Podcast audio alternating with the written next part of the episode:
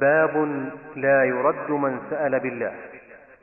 عن ابن عمر رضي الله عنهما قال قال رسول الله صلى الله عليه وسلم من سأل بالله فأعطوه ومن استعاذ بالله فأعيذوه ومن دعاكم فأجيبوه ومن صنع إليكم معروفا فكافئوه. فإن لم تجدوا ما تكافئونه فادعوا له حتى تروا أنكم قد كافأتموه. رواه أبو داود والنسائي بسند صحيح. بسم الله الرحمن الرحيم. الحمد لله وصلى الله وسلم على رسول الله وعلى آله وأصحابه. أما بعد هذا الباب في النهي عن رد من سأل بالله. ذكره المؤلف في كتاب التوحيد لما فيه من تعظيم الله وإجلاله باعطاء من سال به قال باب لا يرد من سأل بالله. عن ابن عمر رضي الله تعالى عنهما عن النبي صلى الله عليه وسلم قال من سأل بالله فأعطوه. ومن استعاذ بالله فاعيذوه ومن دعاكم فأجيبوه. ومن صنع إليكم معروفا فكافئوه. فإن لم تجدوا ما تكافئوه فادعوا له حتى تروا بفتح التاء معنى تعلموا. ويروى بضمها حتى تروا يعني حتى تظنوا أنكم قد كافأتموه. هذه الكلمات من جوامع الكلم التي أوتي عليه الصلاه والسلام. فمشروع لأهل الإيمان أن يعطوا من سأل بالله تعظيما لله واجلالا له سبحانه وتعالى. وقد جاءت عدة أحاديث تدل على كراهة السؤال بالله بما فيه من التشديد على الناس. ولكن متى سأل حقا له كالزكاة أو من بيت المال أو كان مضطرا وجب أن يعطى. وأما إذا كان على غير ذلك فالأفضل أن يعطى. ولا ينبغي له أن يسأل بالله عملا بالأحاديث الأخرى الدالة على كراهة ذلك. ومن استعاذ بالله شرع أن يعاد. ولهذا لما استعاذت عمره الجونية من الرسول صلى الله عليه وسلم قال لقد عدت بمعاذ. لقد عدت بما عظيم فالحقي بأهلك ولم يتزوجها.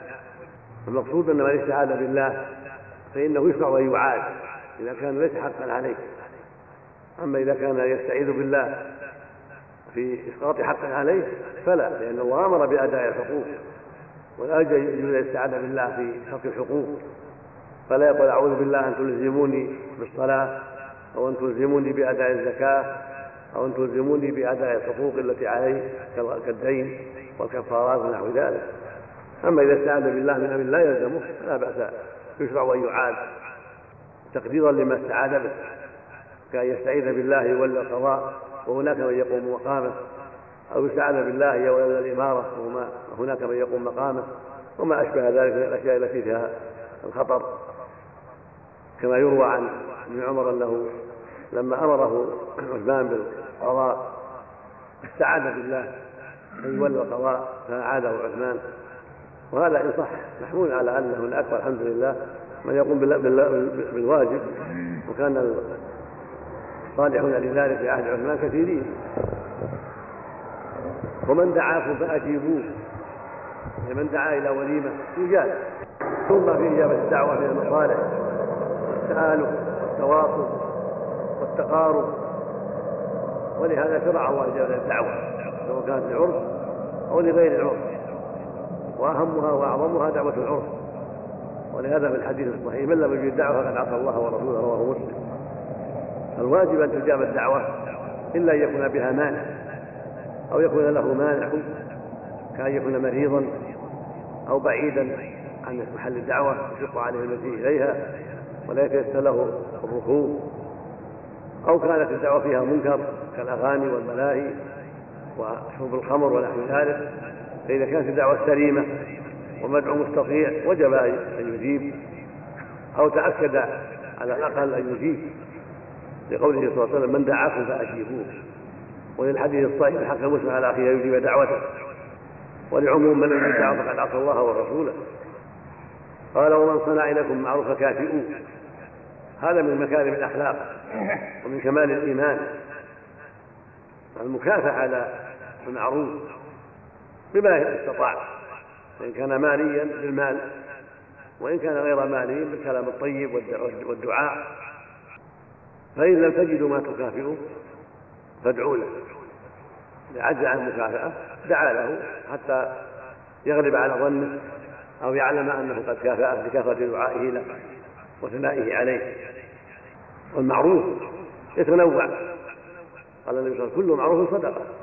فمن صنع معروفا من إنقاذك من ظالم من تفريج كربة بقضاء دين من تفريج كربة بإنقاذك من هلكة إلى غير هذا من أنواع التفريج وأنواع المعروف. شرع لك مكافأته بما يناسب المقام من مال أو غيره حسب أحوال الناس وحسب أحوال المعروف. فمن عجز عن ذلك فالدعاء يقوم مقام المكافأة. وفق الله الجميع. وصلى الله وسلم على نعم أي. نعم. أي. أي. أي. مولى مسعد بن الزبير ويقال اسم أبيه يسار. صدوق يخطئ يقال اسم أبيه يسار. صدق صدوق. يخطئ من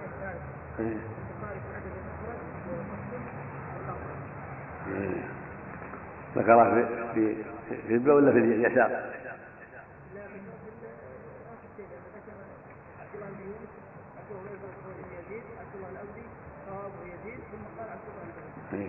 لأن أباه مجهول غير معروف العبد نعم. طيب نعم. صفوان بن رشد. ها؟ يمكن يمكن من الرجال ذلك فقط نعم. بسم الله الرحمن الرحيم. نعم. هذه الدعوة مثلا لرب الأسرة. هل تجب على الأفراد؟ جت عامة لا إذا نص عليه نص عليه الدعوة. نعم.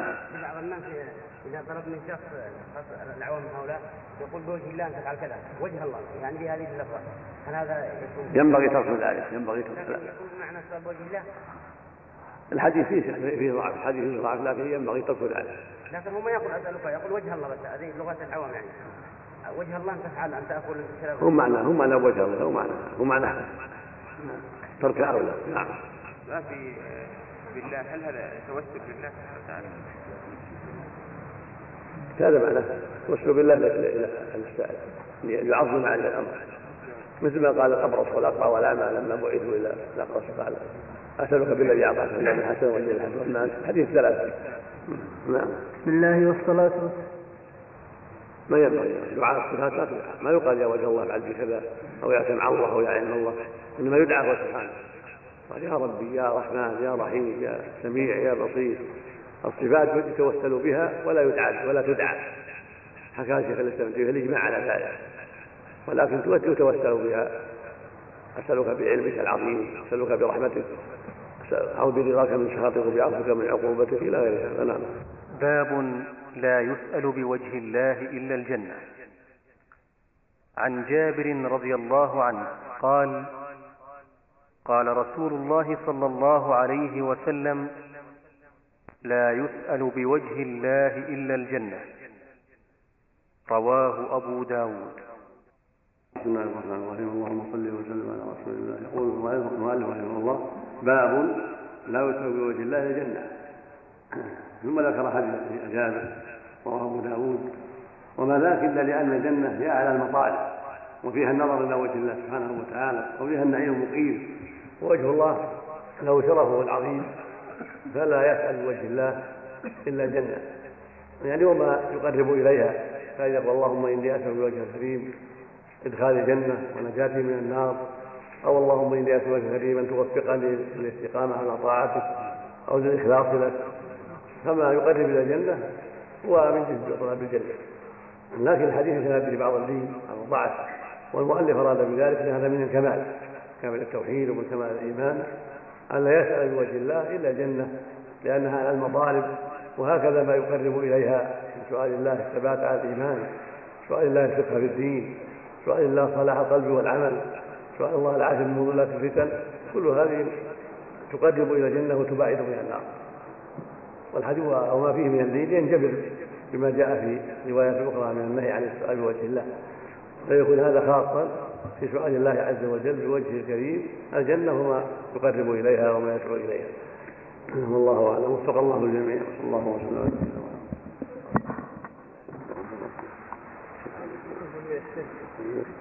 نعم. آه، نعم. من ناحية نعم،.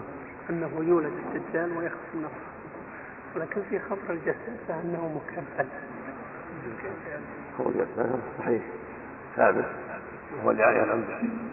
وهذا يعني ما يعتمد عليه؟ وش هو؟ مولده وخروجه من الله أعلم. معروف إنه موجود. مخرج نصفها ثابت. جهه الشرق هناك خصوصية يا شيخ. هل الله أعلم. ما عندي ما عندي النبي شك في أمره. صلى عليه وسلم ناخذ عن بعض الصحابه الحديث اللي فيها بعض مرفوعه فيها بعض ولا أنا هو فيها واسع افضل من واسع إذا وردت في العين سناه جمع هل فيها رعاية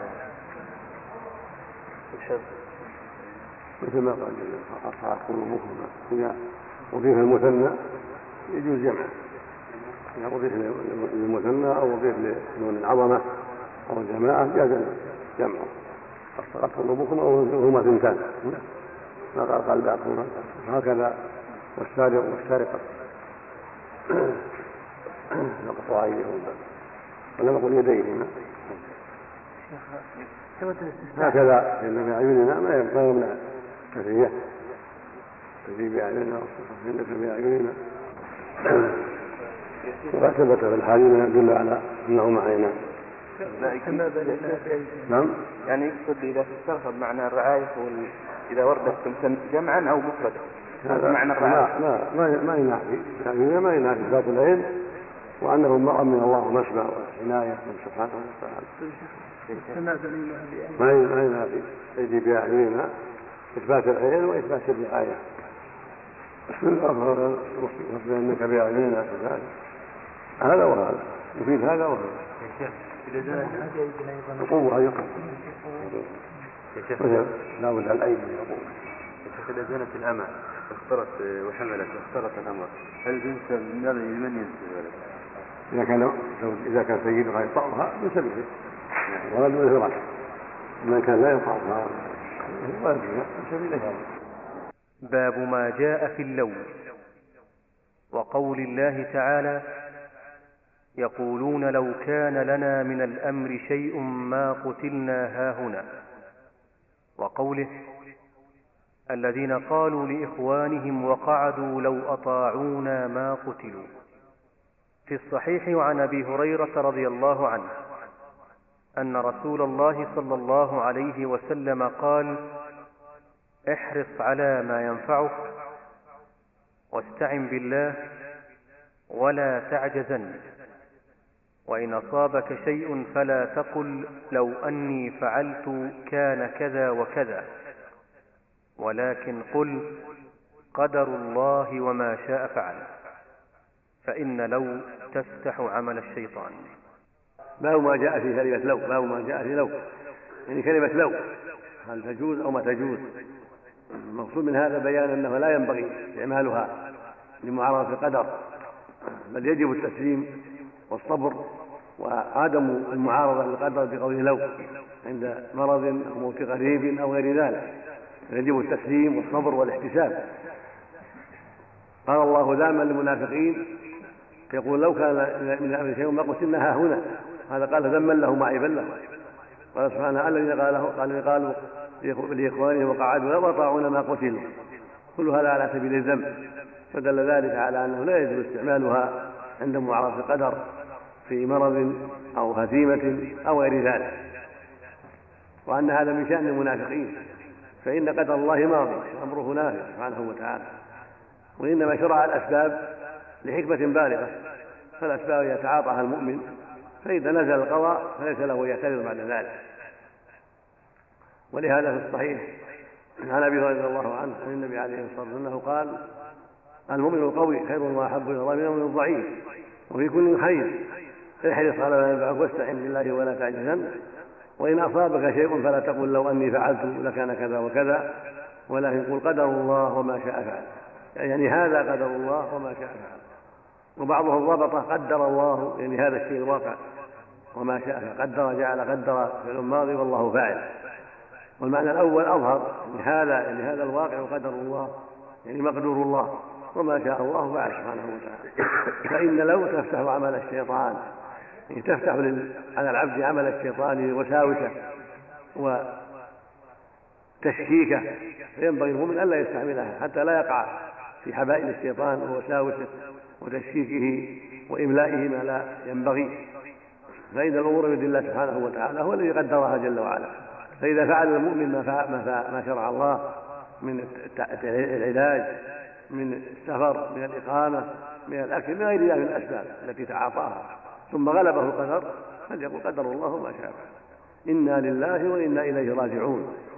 فليس الأمر بيده بل بيد الله سبحانه وتعالى.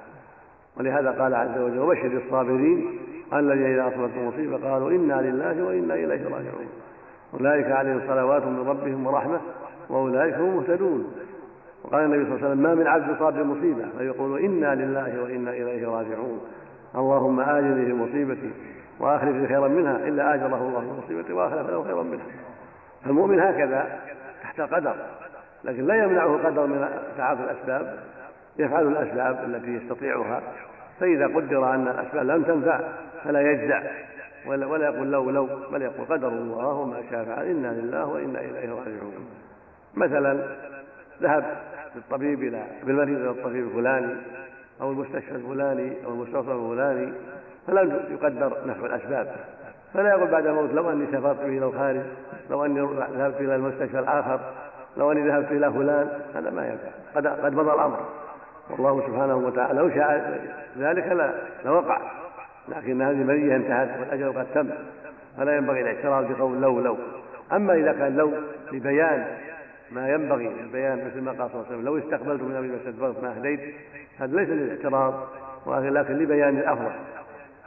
مثل لو علمت أن هذا واقع لفعلت كذا وكذا من مما يبين للناس أنه الأفضل وأنه الأحرى ولو علمت أن فلانا موجود لزرته ولو علمت أن فلان مريض لعدته أو ما أشبه مما يخبر عن أسفه على ما فات عليه. ليس على سبيل الاعتراض هذا ليس داخلا في هذا الباب. وإنما الممنوع هو الاعتراض على القدر.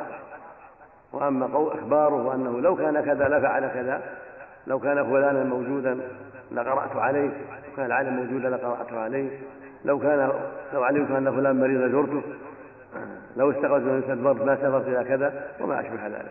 ليس هذا من باب الاعتراض وفق الله الجميع. وصلى الله وسلم على نبينا محمد وعلى آله وصحبه باب النهي عن سب الريح.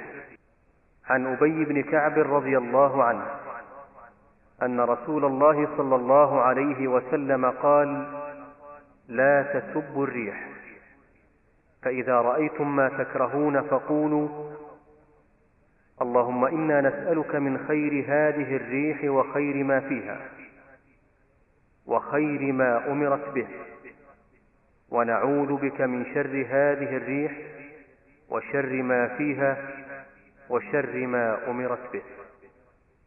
صححه الترمذي. بسم الله الرحمن الرحيم. اللهم صل وسلم على رسول الله وعلى آله وصحبه. أما بعد هذا الباب فيما يتعلق بسب الريح.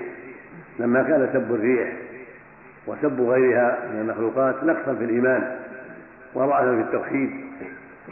نبه المؤلف على ذلك وجعله في كتاب التوحيد ليعلم المؤمن أن سائر المعاصي مما ينقص توحيده وينقص إيمانه ويضعف إيمانه. فالإيمان يزيد وينقص والتوحيد يكمل وينقص. فالمعاصي تضعف الإيمان وتنقص كمال التوحيد والطاعات تزيد الإيمان وتزيد كمال كمال التوحيد. وسب الريح من جملة المعاصي لأنها مخلوق مدبر ترسل بالخير والشر. فلا يسبها ولا يقال لعن الله الريح أو قاتل الله الريح أو بارك الله في الريح أو ما أشبه ذلك. بل يعمل المؤمن ما أرشد إليه النبي صلى الله عليه وسلم. فإذا رأى منها ما يكره بشدتها قال اللهم إني أسأل خير هذه الريح خير ما فيها وخير ما أرسل. وانك من شرها وشر ما فيها وشر ما أرسل. هكذا جاء في الصحيح حديث عائشة. النبي النبي ارسل لهذا. أمر أن يقال اللهم نسال خير هذه الريح خير ما فيها خير ما أرسلت به ونعوذ من شرها وشر ما فيها وشر ما أرسلت به وجاء في المعنى أيضا الدعاء إذا جعلها الله رياحا ولا جعلها ريحا جعلها رحمة ولا جعلها عذابا. هذا هو المشروع للمؤمن. عنده بالرياح وشدتها يسأل الله خيرها ويعوذ بالله من شرها ويسأل الله يجعلها رياحا ولا يجعلها ريحا. لأن الله أرسل الرياح مفردة بهلاك قوم هود. أما الرياح فجعلها الله مشفاة من آياته يرسل الرياح مبشرات وقد تكون رحمة لقوم وخرجا لهم. وقد تكون عذابا لآخرين كما جرى لعاد. فالمؤمن يسأل الله خيرها الذي دبرها وأرسلها يسأله خيرها ويستعين بالله بشرها هذا هو الواجب عند هذا عند هذا الأمر وهذا هو من كمال التوحيد وكمال الإيمان أن يمتثل أمر الرسول صلى الله عليه وسلم في ذلك وأن لا يسب الريح كما لا يسب غير ذلك من المخلوقات التي لم يفعل الله سبها وفق الله الجميع وصلى الله وسلم على نبينا محمد. ما هي لها رياح ولا رياح؟ معناه انه من الريح فيها شيء مطلقا ولا ما شيخ يطلب الرياح التي جعله فيها جعلها الله والسلام والسلام السلام عليكم. السلام عليكم. السلام عليكم. أقول أقول ظاهرها الان ان فيها شيء مطلقا.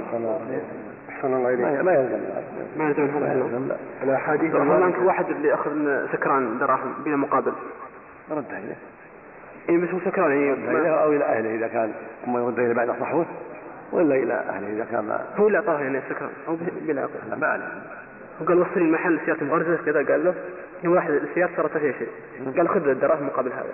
السيارة تقوم مغرزة. ياخذ يأخذ من الناس. يعطي مبلغ كبير. إذا كان أركبه يأخذ العادة ريالا ريالين ياخذونها الناس ويعطيه قال يرجع الأحاديث الواردة في فضل سورة الكهف في قراءتها في يوم الجمعة.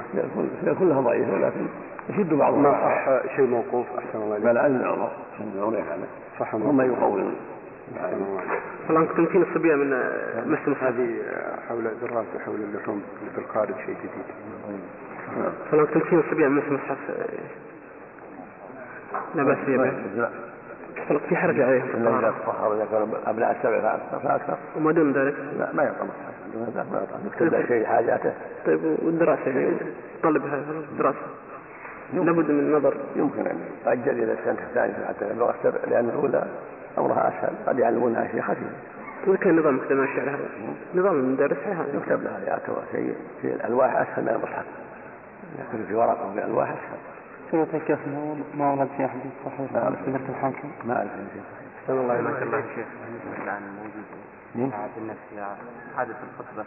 أن يرسل شيئا من الذهب يسمى شاب اتباعا هل له أصل؟ هذه أمور عادية أول أمور عادية الله أحسن الله إليك. شهادة المرأة للرجل. بالنسبة لعن وضع خاتم خطبة اللي يسمونها. الدبل هذه هذا ما لها ما لها ضرر هذا قد يكون بلغني من من اعمال بعض النصارى قطع الصلاة. طيب. نعم. قطع الصلاة. هل يبطلها؟ بينه وبين السترة؟ نعم.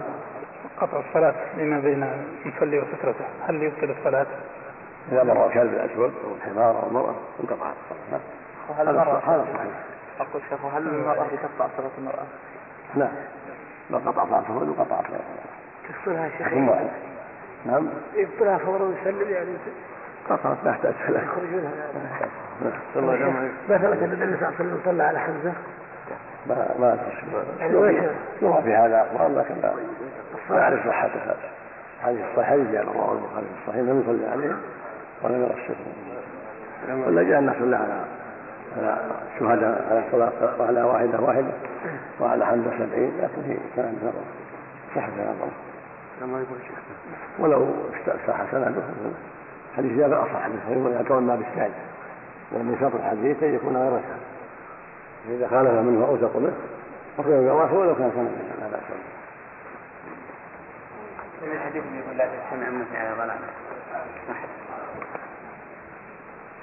معنى صحيح.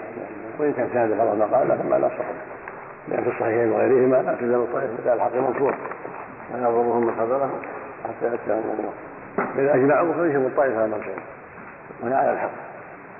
باب قول الله تعالى يظنون بالله غير الحق ظن الجاهلية يقولون هل لنا من الأمر من شيء. قل إن الأمر كله لله. الآية. وقوله الظانين بالله ظن السوء عليهم دائرة السوء. الآية. قال ابن القيم في الآية الأولى فسر هذا الظن بأنه سبحانه لا ينصر رسوله وأن أمره سيضمحل.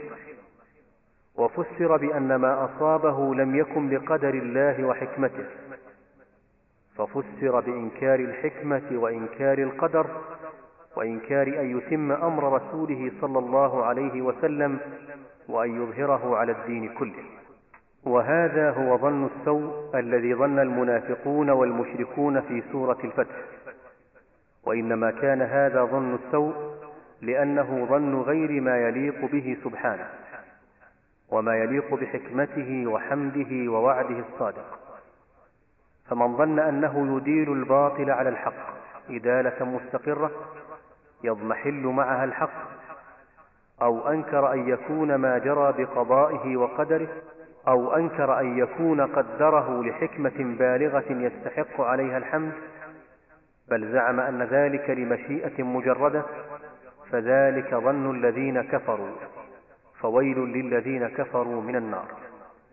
وأكثر الناس يظنون بالله ظن السوء فيما يختص بهم وفيما يفعله بغيرهم ولا يسلم من ذلك إلا من عرف الله وأسماءه وصفاته وموجب حكمته وحمده.